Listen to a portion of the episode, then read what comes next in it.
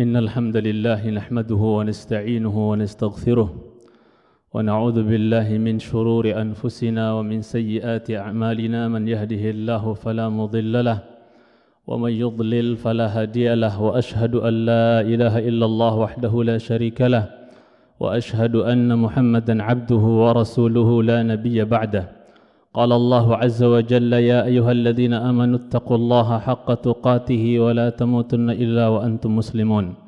وقال يا أيها الناس اتقوا ربكم الذي خلقكم من نفس واحدة وخلق منها زوجها وبث منهما رجالا كثيرا ونساء واتقوا الله الذي تساءلون به والأرحام.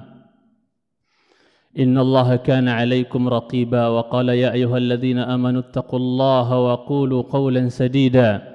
يصلح لكم أعمالكم ويغفر لكم ذنوبكم ومن يطع الله ورسوله فقد فاز فوزا عظيما. أما بعد فإن أحسن الحديث كتاب الله وأحسن الهدي هدي محمد صلى الله عليه وسلم وشر الأمور محدثاتها فإن كل محدثة بدعة وكل بدعة ضلالة وكل ضلالة في النار. أما بعد Sidang Idul Jum'ah yang khatib cintai karena Allah Tabaraka wa Ta'ala. Kebanyakan manusia di muka bumi ini khawatir bahkan takut terhadap yang namanya kefakiran, kemiskinan. Dan itu wajar, lumrah. Kebanyakan manusia khawatir, takut akan kefakiran menimpa dirinya sehingga kita dapatkan sebagian manusia pontang-panting ya peras keringat ya kerja siang malam bahkan demi mengangkat martabat dia dari posisi miskin atau fakir menuju lebih ya lapang, lebih mampu dan seterusnya. Sehingga saking khawatirnya sebagian manusia dari kefakiran ini perkaranya sampai sedemikian parah di mana sebagian mereka ada yang tega membunuh anaknya. Ada yang tega membunuh anak-anaknya karena takut fakir, takut miskin. Dan ini terutama ya adalah perbuatannya orang-orang jahiliyah dahulu. Yang Allah Azza wa Jalla di Al-Isra ayat 31 berfirman, "Wala taqtulu auladakum khasyata imlaq." Nahnu narzuquhum wa iyyakum. Inna qatlahum kana khita'an kabira. Jangan sekali-kali kalian membunuh anak-anak kalian karena takut apa? Imlaq. Imlaq kata ulama tafsir faqah. Faqr. Ya. Jangan kalian bunuh anak-anak kalian karena takut fakir. Kami yang akan kasih rezeki kepada anak-anak kalian tersebut. Mau sebanyak apa pun kalian bikin anak, Ibaratnya kami yang akan tanggung rezeki mereka kata Allah. Wa iyyakum. Bahkan kalian jadi orang tua, kami yang kasih makan kalian. Kami yang kasih rezeki kalian. Apa yang perlu dikhawatirkan? Kenapa kita harus ya terpedaya oleh tipu dayanya orang-orang Yahudi yang membisikkan bisikan-bisikan syaitan untuk mengatakan cukup dua anak saja dan seterusnya. Padahal Nabi kita senang kalau umatnya banyak anak. Tazawwajul waduda alwaluda fa inni mukathirun bikumul umam. Nikahi oleh kalian wanita yang punya rasa cinta dan kasih sayang dan berpotensi senang punya anak banyak. Saya senang dengan banyaknya umatku hari kiamat.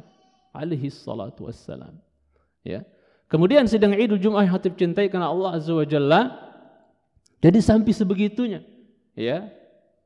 Mereka bunuh anak mereka karena takut apa? Takut makan anak-anak mereka bersama mereka, takut fakir, takut miskin. Waliyadzubillah. Ya. Padahal Allah katakan kami akan kasih rezeki mereka dan bahkan kalian sesungguhnya membunuh mereka adalah dosa yang sangat besar kata Allah Subhanahu wa taala. Di saat kebanyakan umat ini takut ditimpa oleh kefakiran, ternyata di sisi lain sebaliknya kekasih hati kita. Muhammad sallallahu alaihi wasallam nabi yang paling sayang sama umatnya. Beliau sangat sayangnya sama kita selaku umatnya. Ya. Laqad ja'akum rasulun min anfusikum azizun 'alaihi ma 'anittum harisun 'alaikum bil mu'minina raufun rahimun. sopan, santun, rahim, penyayang Nabi kita sallallahu alaihi wasallam. Beliau sayang sama kita, tapi sesayang apa pun beliau sallallahu alaihi wasallam sekali lagi terhadap umatnya, beliau enggak pernah mengkhawatirkan umatnya fakir. Beliau tidak pernah mengkhawatirkan, beliau enggak pernah takut kalau umatnya ini miskin, enggak pernah sama sekali. Karena beliau tahu alaihi salatu wassalam dunia ini penipu. Wa mal hayatud dunya illa mata'ul ghurur. Tidaklah kehidupan dunia ini kecuali kehidupan yang menipu.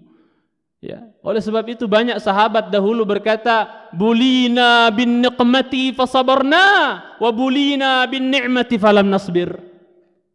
Kami diuji dengan ya nikmah, ya sesuatu yang tidak enak, kefakiran, kepapaan, kami diuji, kami bisa sabar, lolos dari ujian.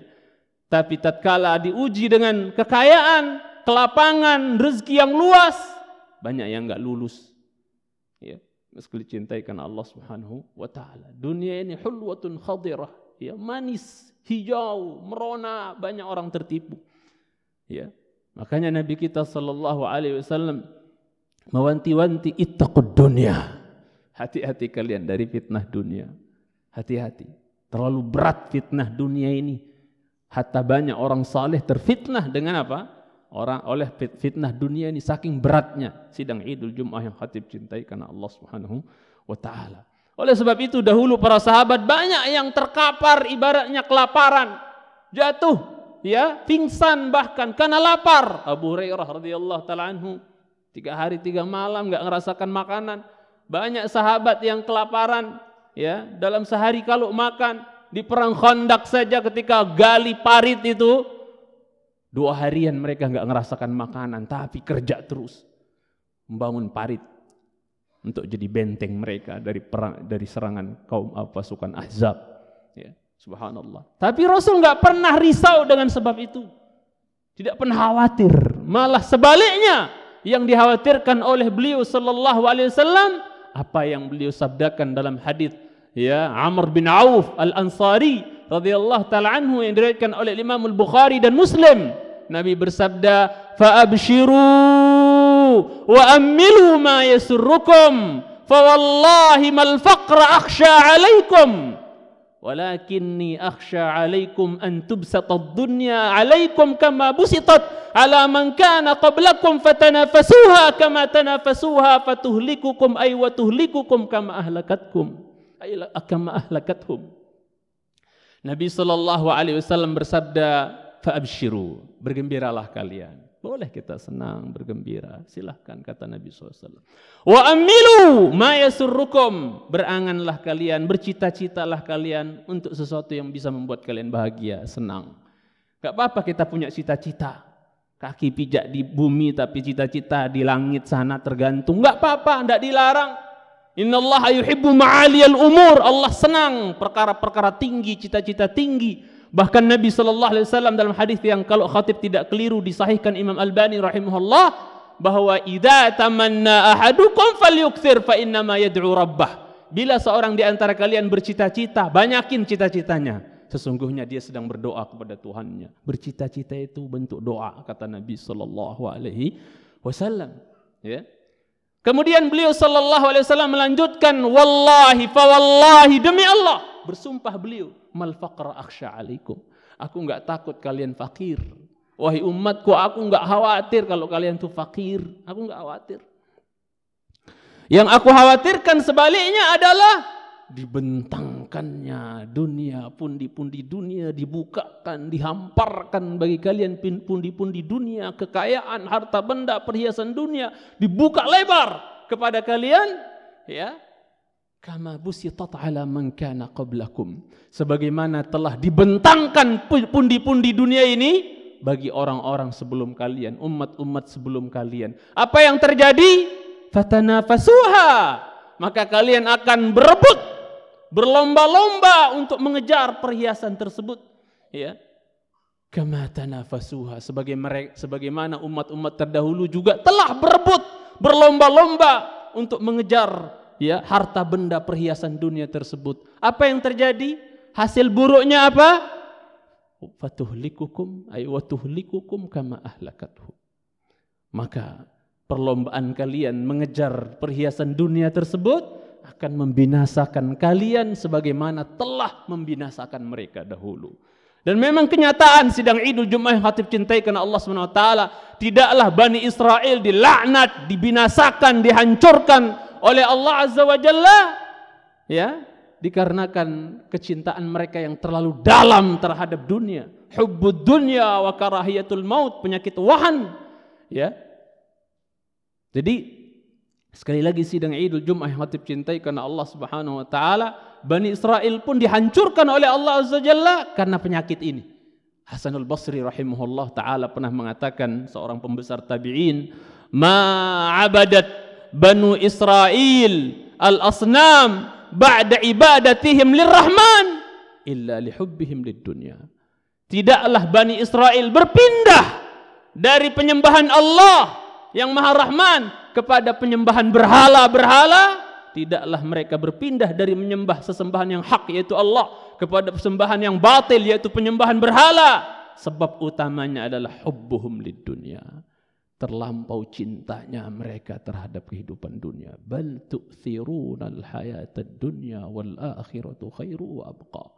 Kalian lebih mengedepankan mengutamakan kehidupan dunia ya padahal kehidupan akhirat itu lebih baik dan lebih kekal Kemudian sidang Idul Jumat hatib cintai subhanahu taala, kekhawatiran yang dikhawatirkan oleh Nabi sallallahu alaihi wasallam ini, walakinni akhsha alaikum ya an tubsatad dunya alaikum. Aku khawatir dibukanya pundi-pundi dunia bagi kalian. Dalam riwayat lain, walakinni akhsha ya alaikum takatsur Aku khawatir kalian itu takathur, berbangga-bangga, berbanyakan harta, berbanyakan ini itu dari perkara dunia. Itu yang aku khawatirkan kata Nabi sallallahu alaihi wasallam. Dan betul, Umar bin Khattab radhiyallahu taala anhu juga di zaman beliau menjadi khalifah, penaklukan di mana-mana, negeri ini, negeri itu ditaklukkan oleh pemerintahan kaum muslimin di waktu zamannya Umar bin Khattab radhiyallahu taala anhu, maka setiap kali selesai perang ya ditumpuklah ghanimah harta rampasan perang itu kayak gunung itu emas perak perhiasan.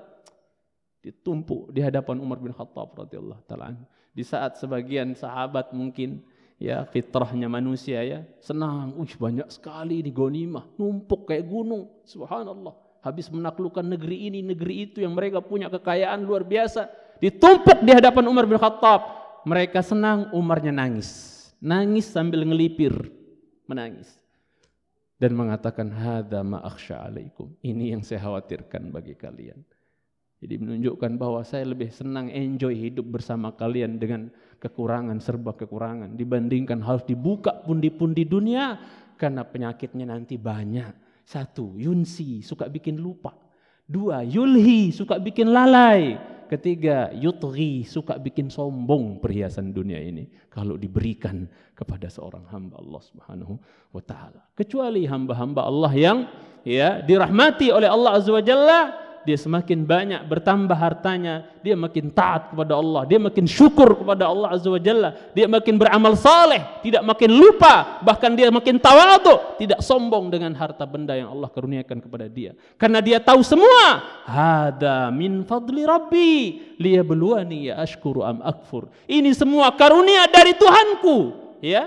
La haula wala quwata illa billah. Dia sadar itu, ya. Dan ini ujian buat saya apakah saya akan bersyukur atau malah kufur. Wa ma bikum min ni'matin faminallah. Dia yakin apa saja yang kalian dapatkan dari nikmat semuanya datang dari Allah Subhanahu wa taala. Aqulu qouli hadza wa astaghfirullah li wa lakum wa li sairil muslimin wal muslimat min kulli dhanbin wa khati'ah fastaghfiruhu innahu huwal ghafurur rahim.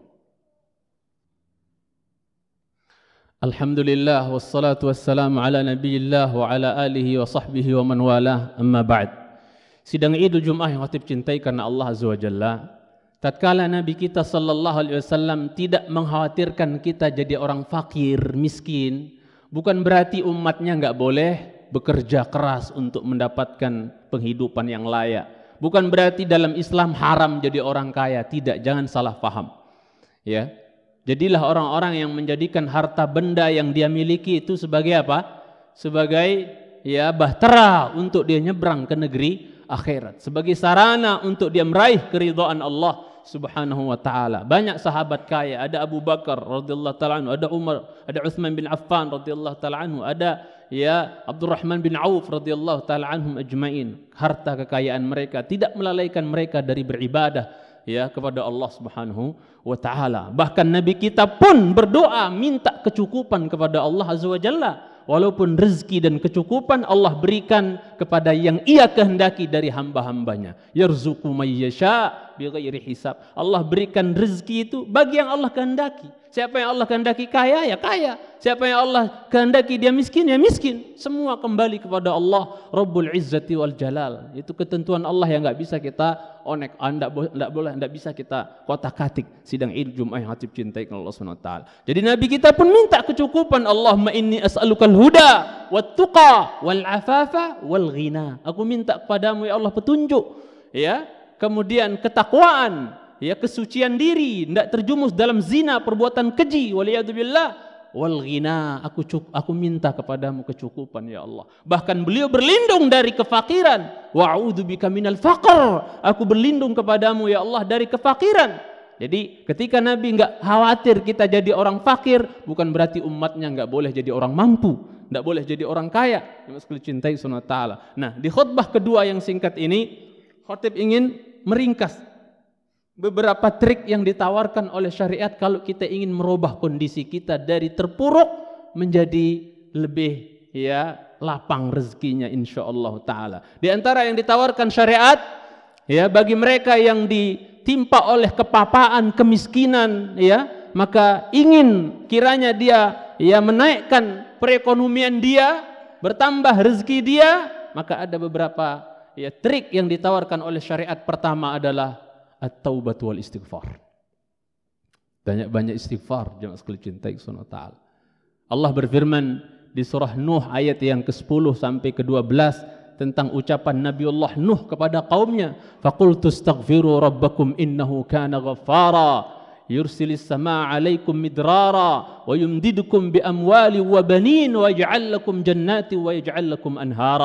Allah berfirman tentang ungkapan Nabi Nuh kepada kaumnya, aku berkata kepada kepada kaumku istighfar kalian kepada Allah, ya, kepada Rabb kalian istighfar minta ampun. Ya, istighfar kalian kepada Rabb kalian, sesungguhnya Dia zat yang Maha Pengampun. Ya, maka apa buah manis dari istighfar? Yursilis sama alaikum midrara. Allah akan turunkan hujan dari langit deras ya wa yumdidkum bi amwal. Allah Subhanahu wa taala akan memperbanyak harta kalian. Lihat istighfar digandengkan dengan banyak harta. Istighfar digandengkan dengan turunnya hujan yang deras. Karunia semua itu. Ya wa banin. Bahkan yang lama enggak punya anak insyaallah Allah akan kasih anak. Sebagaimana kisah Hasan Basri radhiyallahu taala anhu didatangi orang yang sawah ladangnya ya kering kerontang. Maka Hasan Basri suruh dia istighfar ada lagi orang datang mengeluhkan kefakiran dia, enggak kaya-kaya, maka beliau berkatakan istighfar yang banyak. Ada orang yang sudah menikah lama enggak dapat anak, disuruh istighfar yang banyak. Sampai murid-muridnya heran. Ini orang datang keluhkan kering kerontangnya sawahnya, ngeluhkan kefakirannya, ngeluhkan sudah lama nikah enggak punya anak, tapi kok solusinya istighfar semua wahai imam. Maka beliau mengatakan saya tidak berani mendahului firman Allah dalam surat Nuh ayat 11 dan ya sampai 12 tersebut ayat 10 sampai 12 tersebut. Bahwa istighfar kalian kepada Tuhan kalian dia Maha Pengampun maka Allah akan turunkan hujan yang deras. Allah akan banyakkan harta kalian dan anak-anak kalian. Dan Allah jadikan bagi kalian kebun-kebun dan sungai-sungai. Kata Allah Subhanahu wa taala. Jadi kunci rezeki banyak istighfar. Banyak istighfar kepada Allah Azza wa Jalla. Kemudian yang kedua takwa kepada Allah Azza wa Jalla Ya, pupuklah ketakwaan. Ya, wahai hamba-hamba Allah yang merasa dirinya di bawah, ya, dalam artian dia berada dalam kefakiran dan kemiskinan, maka bertakwalah kepada Allah Azza wa Jalla. Karena Allah telah berjanji ya dalam surat At-Talaq ayat ya 2 dan 3 Allah berfirman wa man yattaqillah yaj'al lahu makhraja wa yarzuqhu min haitsu la yahtasib wa may yatawakkal 'ala Allah fahuwa hasbuh. Innallaha balighu amrihi qad ja'alallahu likulli syai'in qadara. Barang siapa yang bertakwa kepada Allah, lihat takwa. Barang siapa yang bertakwa kepada Allah Azza wa Jalla, maka apa? Allah katakan yaj'allahu makhraja. Allah jadikan bagi dia jalan keluar dari problem dari masalah dia, masalah perekonomian, masalah rumah tangga dan yang lainnya Allah akan berikan jalan keluar. Dan lebih dari itu kalau dia takwa, Allah beri dia rezeki dari jalan-jalan yang dia tidak sangka-sangka. Allah gerakkan hati fulan, alan menjadi sebab rezeki bagi dia, ya ketika dia bertakwa kepada Allah Subhanahu wa taala. Yaj'al lahu makhraja wa yarzuquhu min haitsu la yahtasib. Wa man yatawakkal 'ala Allah, siapa yang bertawakal kepada Allah, fahuwa hasbuh. Cukup Allah bagi dia. Dan Allah akan menyampaikan apa yang menjadi keinginan dia, ya. Allah Subhanahu wa taala akan memudahkan rezeki bagi dia. Innallaha balighu amrih qad ja'alallahu likulli syai'in qadara. Allah telah jadikan bagi segala sesuatu itu ukurannya, kadarnya. Si fulan dapat sekian, si fulan dapat rezeki sekian, sudah Allah takdirkan, Allah sudah atur semuanya. Dalam kehidupan kita berapa rezeki yang akan kita rasakan sudah diatur semua oleh Allah Subhanahu wa taala. Itu kedua. Di antara trik juga untuk meraih, untuk memancing datangnya karunia Allah, rezeki Allah Azza wa Jalla supaya enggak seret hidup ini, enggak seret rezeki itu. Di antara cara mancingnya atau sarana alat mancingnya adalah tawakal kepada Allah Azza wa Jalla. Kadang kita kurang tawakal, kalah tawakal sama burung. Nabi bersabda sallallahu alaihi wasallam, Ya dalam hadis Ahmad dan Tirmidzi, "Lau annakum tatawakkaluna 'ala Allah haqqa tawakkulih la razaqakum kama yarzuqut tayr taghdu khimasan wa taruhu bitana." Seandainya kalian benar-benar bertawakal kepada Allah dengan sebenar-benar tawakal, seandainya kalian tawakal kepada Allah dengan sebenar-benar tawakal, berserah diri kepada Allah Azza wa Jalla dengan sebenar-benar tawakal, tapi ingat tawakal yang diikuti dengan ikhtiar, bukan nganggur, ikhtiar, usaha, keluar, peluh keringat dan seterusnya. Maka apa? Kalau kalian benar-benar tawakal ya kepada Allah, Allah pasti, pasti la razaqakum, pasti Allah Subhanahu wa taala akan benar-benar kasih rezeki kepada kalian kama yarzuqut tair sebagaimana Allah memberikan rezeki kepada seekor burung. Burung, lihat kita dalam bekerja, bekerja mencari karunia Allah jangan kayak semut tapi seperti burung. Dalam berbisnis harus seperti burung, bukan seperti semut. Semut kita tahu kalau dapat makanan banyak ditumpuk di lubangnya, udah berapa hari nggak keluar. Cukup dengan apa yang sudah ada dalam lubangnya. Nanti habis baru keluar lagi. Ini tipe-tipe nggak baik dalam mencari karunia Allah. Yang bagus itu apa? Ya, seperti burung tiap hari keluar, happy. Ya, tafaul, optimis, insya Allah banyak ulat, insya Allah banyak biji dan seterusnya. Keluar dalam keadaan kosong perut, pulangnya dalam keadaan sudah apa? Terisi perutnya subhanallah. Jadi tawakal kepada Allah subhanahu wa ta'ala. Sidang Idul Jumat Hatib wa ta'ala. Di antara trik supaya ya rezeki Allah mudah datang, tidak seret. Bersungguh-sungguh dalam ibadah. Kadang-kadang kita ibadah itu sempalahnya doang dari waktu kita. Sisa-sisa saja. Capek kita itu untuk Allah. Ya, Gimana? Ya. Dalam hadis qudsi dengan Imam Ahmad dan Tirmizi juga Nabi kita sallallahu alaihi wasallam pernah bersabda, "Ya bani Adam, bahwasanya Allah Subhanahu wa taala berfirman dalam hadis qudsi, "Ya bani Adam, wahai sekalian anak Adam, tafarragh li ibadati." Ya, fokus kalian, bersungguh-sungguh kalian dalam beribadah kepadaku. Maka apa? Amla sadraka ghinan. Aku akan penuhi hatimu dengan kekayaan. Ya, wa asuddu faqrak. Dan saya akan tutup rapat kefakiran dari dirimu. Wa illa tafal. Tapi kalau kau enggak lakukan dalian dalam artian kau males-malesan beribadah. Kau enggak mau salat kau males-malesan ibadah. Ya tidak mau taat tidak mau ibadah tidak mau sungguh-sungguh beribadah kepada Allah Azza bahkan ibadah tapi main-main saja waliyadzubillah kalau kau tidak sungguh-sungguh dalam beribadah kepadaku maka apa? Malatu yadaika syughlan walam asudda faqrak aku akan penuhi dua tanganmu dengan kesibukan dan aku tidak akan ya tutup kefakiran dari dirimu. Maka sungguh-sungguh kita dalam beribadah kepada Allah Subhanahu wa taala. Di antara trik untuk kita bisa meraih karunia Allah supaya rezeki tidak seret di antaranya adalah apa? Banyak-banyak berinfak. Kita berinfak kepada apa? Di jalan Allah azza wa jalla. Wa ma anfaqtum min syai'in fa huwa yukhlifuh wa huwa khairur raziqin apa yang kalian infakkan ya dari sesuatu apa pun sekecil apa pun nunjukkan orang miskin masih bisa berinfak semampunya ya. Apa pun yang kalian infakkan dari sesuatu apa pun sekecil apa pun Allah pasti ganti. Dan dia adalah khairul razikin sebaik-baik pemberi rezeki Allah Subhanahu wa taala.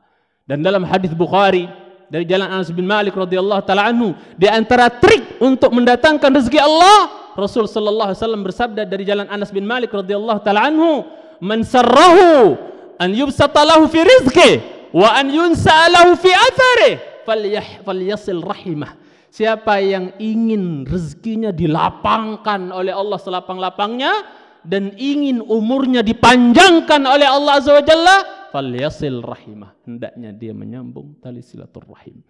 Di antara triknya juga wahai yang diberikan kelebihan harta oleh Allah Azza wa Jalla daripada nganggur-nganggur bertahun-tahun enggak terpakai gunakan hartamu itu sebagian untuk membiayai penuntut ilmu menuntut ilmu kasihan mereka banyak ingin pesantren ingin sekolah tapi enggak bisa sekolah ya karena banyak sebenarnya orang kaya yang mampu menjadi bapak asuh ibaratnya membiayai tapi tak tergerak hati sebagian mereka. Jadilah bapak-bapak asuh untuk mereka, ya, untuk membiayai sekolah mereka. Wallahi berkah usaha antum. Wallahi sukses ya perusahaan antum insyaallah taala. Dalam hadis Tirmidzi bahwasanya Nabi sallallahu alaihi wasallam dalam hadis Anas bin Malik radhiyallahu taala anhu dalam hadis Tirmidzi bahwasanya ada dua orang bersaudara. Fakana ahaduhuma ya'ti Nabi sallallahu alaihi wasallam. Salah satu dari dua bersaudara ini kerjaannya ngaji terus sama Nabi, belajar, nuntut ilmu, mengeruk ilmu dari Rasulullah sallallahu alaihi wasallam. Ya, wal akharu yahtarib. Adapun saudaranya yang satu lagi, abangnya entah mungkin abangnya, itu apa? Yahtarib, kerja, cari duit dan dia yang menanggung kehidupan nafkah untuk saudaranya tersebut yang menuntut ilmu kepada Rasulullah SAW. Akhirnya dia merasa berat, dia pergi curhat kepada mengeluh kepada Rasulullah SAW. Dia ceritakan bahwa saudara saya yang selalu datang mendatang engkau untuk menuntut ilmu ini ya Rasulullah, dia hidupnya ditanggung sama saya, maksudnya nafkahnya saya yang tanggung. Ya Rasulullah, saya agak keberatan rasanya kerjaannya cuma belajar terus sama engkau, nggak cari kerja dia. Saya yang memenuhi nafkah dia. Apa kata Nabi sallallahu alaihi wasallam? La'allaka turzaqu bi. Mas, bisa jadi usahamu lancar, kerjaanmu itu bagus, lancar, ya, rezekimu lancar. Bisa jadi lancar karena apa? Karena dengan sebab kau membiayai saudaramu itu yang menuntut ilmu tersebut. Maka wahai yang punya kelebihan harta, ya silahkan berinfak di jalan Allah Subhanahu wa taala dengan cara membiayai orang-orang anak-anak yang ingin belajar tapi ya terbatas punya keterbatasan dari segi biaya insya Allah itu akan menjadi sebab datangnya rezeki Allah Subhanahu wa taala untuk itu banyak lagi yang lain hijrah ya itu sebab rezeki ya nanti lihat surat at-taubah ayat 100 ya itu sebab-sebab atau kunci-kunci rezeki. Ya dengan kita berhijrah. Ya dan hijrah yang hakiki dalam hadis Bukhari al-muhajir man hajara ma harramallah. Orang sebenar-benar hijrah adalah orang yang meninggalkan apa yang Allah haramkan. Sangat banyak sekali pintu-pintu atau trik-trik untuk datangnya rezeki yang lain. Namun waktu yang singkat tidak bisa kita sampaikan semua. Mudah-mudahan yang sedikit ini bermanfaat اللهم صل على محمد وعلى آل محمد كما صليت على إبراهيم وعلى آل إبراهيم إنك حميد مجيد. وبارك على محمد وعلى آل محمد كما باركت على إبراهيم وعلى آل إبراهيم في العالمين إنك حميد مجيد. اللهم اغفر للمسلمين والمسلمات والمؤمنين والمؤمنات الأحياء منهم والأموات. اللهم يا مقلب القلوب ثبت قلوبنا على دينك. اللهم يا مصرف القلوب صرف قلوبنا على طاعتك. ربنا ظلمنا أنفسنا وإن لم تغفر لنا وترحمنا لنكونن من الخاسرين. ربنا هب لنا من أزواجنا وذرياتنا قرة أعين واجعلنا للمتقين إماما. ربنا آتنا في الدنيا حسنة وفي الآخرة حسنة وقنا عذاب النار. وصلى الله على محمد وعلى آله وصحبه وسلم. وآخر دعوانا أن الحمد لله رب العالمين. أكم الصلاة.